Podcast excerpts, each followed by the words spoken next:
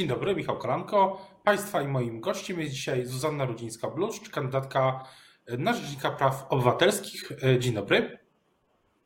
Dzień dobry panie redaktorze, dzień dobry państwu. Jeśli e, Sejm i Senat zgodzą się na pani kandydaturę, to jakim rzecznikiem praw obywatelskich e, pani chce być? E, chciałabym być rzecznikiem blisko ludzi. Tego urzędu uczyłam się od profesora Adama Bodnara i właśnie on był takim rzecznikiem. Chciałabym być rzecznikiem, który widzi ludzi, potrafi z, nim być, z nimi być blisko, potrafi być tam, gdzie są ludzie.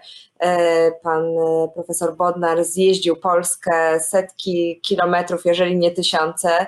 W części tych wyjazdów mu towarzyszyłam i widziałam, jak bardzo jest to potrzebne. Więc e, wierzę, że Urząd Rzecznika Praw Obywatelskich jest tym właśnie urzędem, który powinien być po prostu z ludźmi, a nie gdzieś na piedestale autorytetu samego urzędu.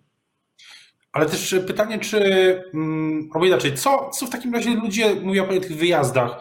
Co ludzie mówią? Czy co, jakie mają oczekiwania wobec Rzecznika Praw Obywatelskich? Co, co ich teraz, zwłaszcza w tym bardzo trudnym e, czasie, boli? Tak, no oczywiście w pandemii tych wyjazdów nie ma, e, natomiast e, były przez te 4,5 roku. E, I powiem panu, panie redaktorze, że te rozmowy są zupełnie inne niż podczas programów publicystycznych, zupełnie inne niż na Twitterze.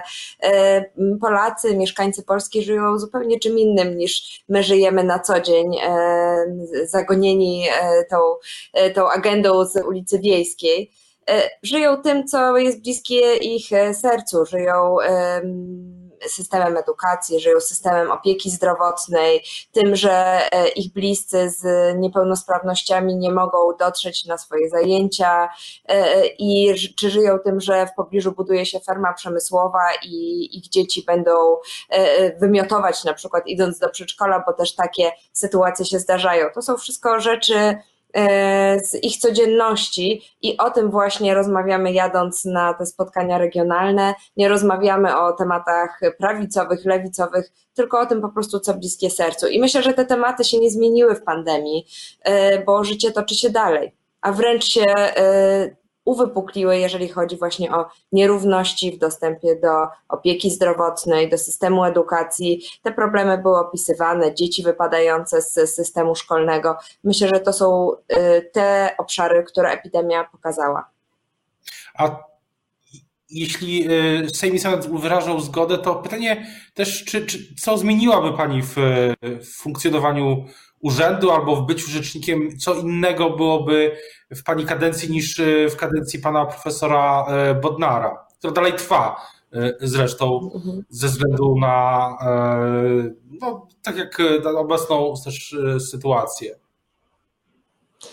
Tak, to znaczy, tak jak powiedziałam, na pewno bym chciała iść tą ścieżką bycia blisko ludzi, ale oczywiście e, czasy się zmieniają i wyzwania też są inne. No, przede wszystkim teraz mamy trwającą pandemię, a ta kolejna kadencja Rzecznika Praw Obywatelskich będzie tym czasem popandemicznym, więc a, a mam nadzieję, że popandemicznym, a nie wciąż e, pandemicznym.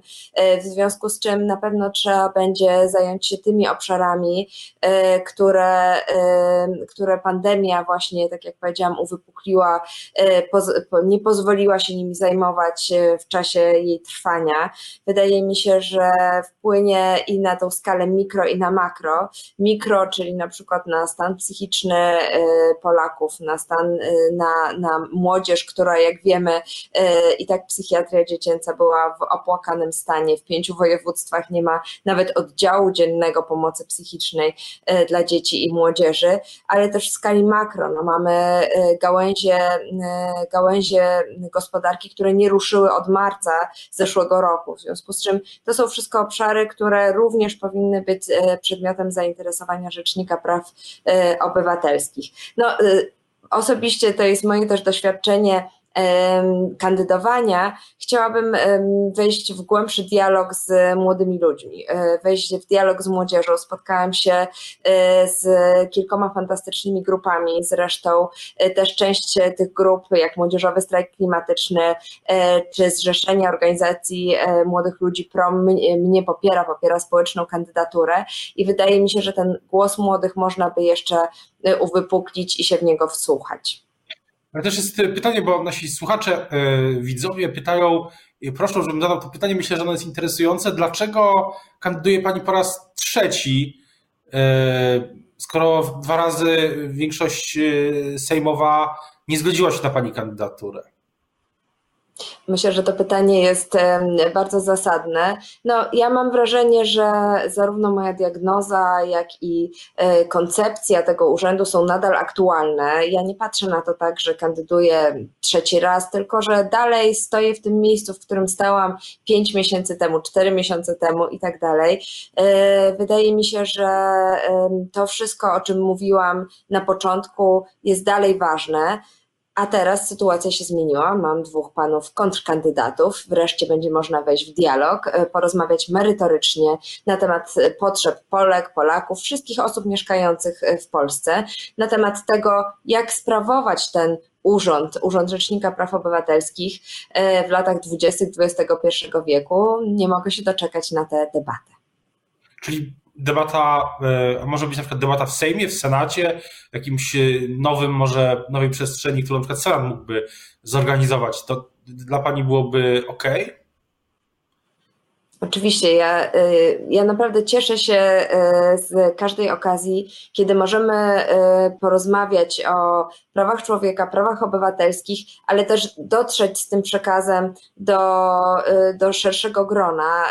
No, prawa obywatelskie są tym obszarem mojego zainteresowania zawodowego, któremu poświęciłam na pełen etat swoje życie, więc uważam, że, że powinniśmy o nich rozmawiać, bo dotyczą naprawdę bardzo codziennych e, naszych spraw, tak jak od e, pięciu lat pokazujemy, że konstytucja nie jest jakimś martwym aktem prawnym, tylko e, jest żywym organizmem, żywym, żywą tarczą dla każdego człowieka żyjącego w Polsce, tarczą, którą może się posługiwać w swoich sprawach, w swoich problemach, przed sądami, przed urzędami.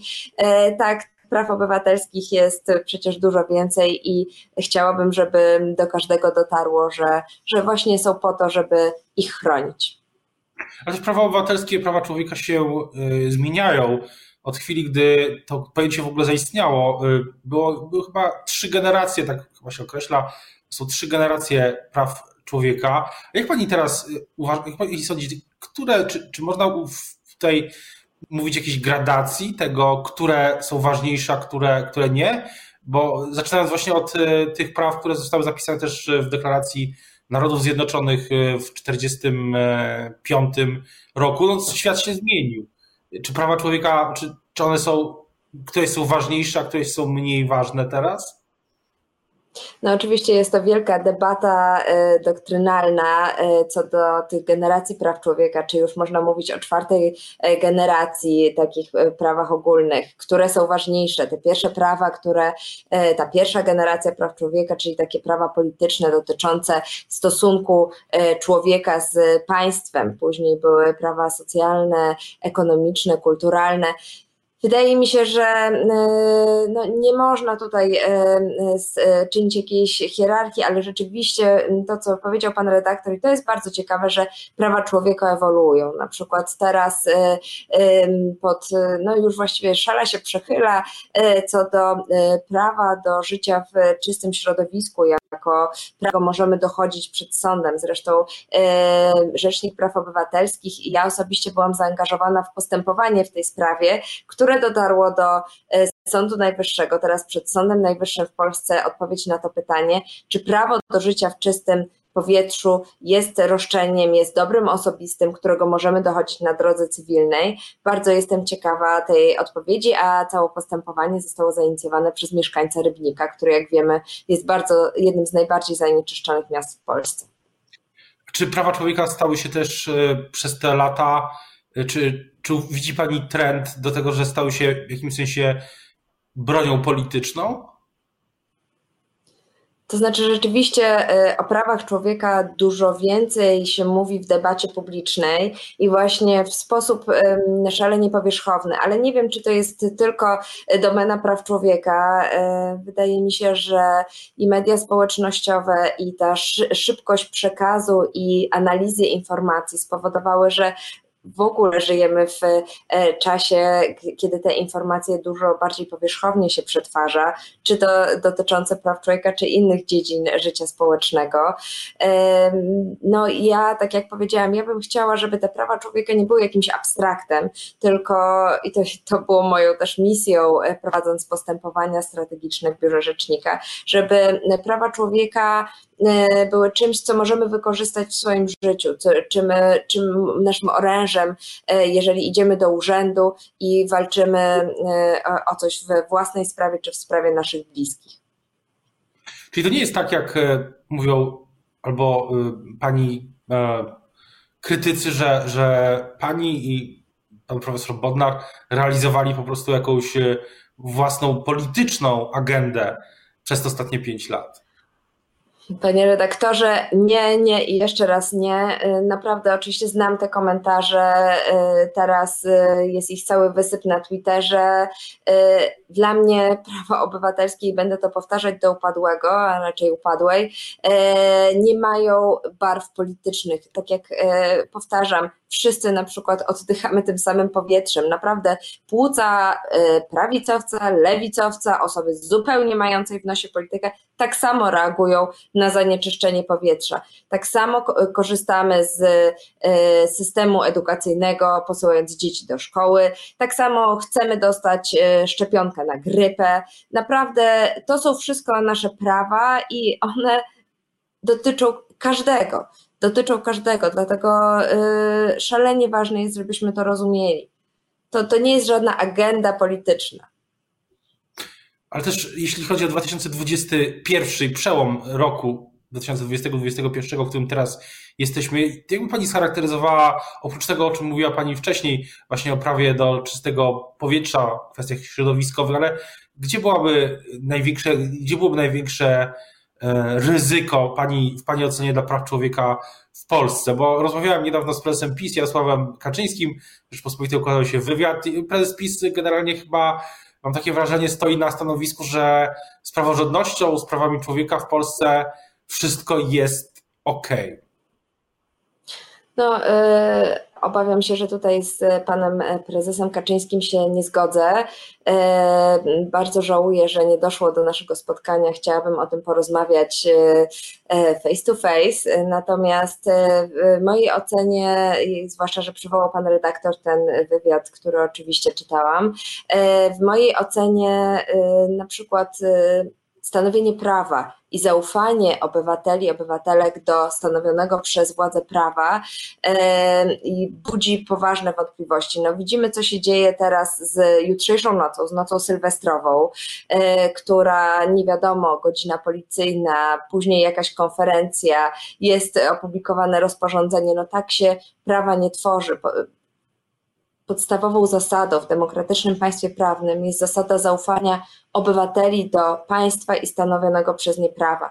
To zaufanie buduje się dniami, tygodniami, miesiącami e, i e, zaufanie obywateli. I wydaje mi się, że to jest szalenie istotna kwestia, bo jeżeli nie będziemy e, rozumieć prawa, ufać w to w racjonalność ustawodawcy, wtedy tego prawa nie będziemy przestrzegać, a to już jest równia pochyła. Właśnie, ale przywołała Pani noc, y, przyszłą noc sylwestrową. Gdyby, czy, czy, czy, czy uważa Pani, że w ogóle ta sytuacja, w której minister Niedzielski mówi, że, że będą mandaty do 30 tysięcy złotych, czy, czy obywatel rzeczywiście może mieć poczucie, że jeśli wyjdzie na ulicę po 19 w czwartek, to, to, to zgodnie z, z obowiązującym prawem, którym nie są E, jak dobrze wiemy, ani wypowiedzi polityków, ani slajdy w PowerPoincie, ani e, deklaracje na Twitterze, tylko e, akty normatywne, rozporządzenia. Czy, czy, czy obywatel na podstawie stanu faktycznego, stanu prawnego może czuć, że ten mandat, który zapowiada minister Niedzielski jest zgodny z prawem, czy nie? Jak, jak, jak pani to widzi? No, panie redaktorze, sam fakt, że zadaje pan to pytanie, że o tym dyskutujemy, jest dla mnie przerażające. Prawo, prawo stanowione powinno być pewne, powinno jasno wskazywać ludziom, co mogą, a czego nie mogą i jakie grożą konsekwencje za złamanie zakazów. No, żyjemy w kraju, w którym wybory odwołuje się na konferencji. Yy, ja myślę, że to będzie taka sama zabawa, mówię tu w cudzysłowie, jak na wiosnę. To znaczy, że e, być może ludzie będą dostawać mandaty, te mandaty będą uchylane w sądzie, e, ale proszę pamiętać, proszę się postawić w sytuacji osób, które te mandaty dostaną, często przewyższające ich oszczędności życia. O tym, e, czy jak będzie wyglądała, jak będzie wyglądała sytuacja prawna wokół tych decyzji policji też, bo chyba to będą uznaniowe też decyzje policji w, w każdym przypadku. Będziemy o tym na pewno jeszcze wielokrotnie na łamach Rzeczpospolitej analizować to i rozmawiać. Teraz bardzo dziękuję za rozmowę Państwa i moim gościem była Zuzanna Rudzińska-Bluszcz, kandydatka e, społeczna na Rzecznika Praw Obywatelskich. Dziękuję bardzo. Dziękuję bardzo. Do widzenia. Do widzenia.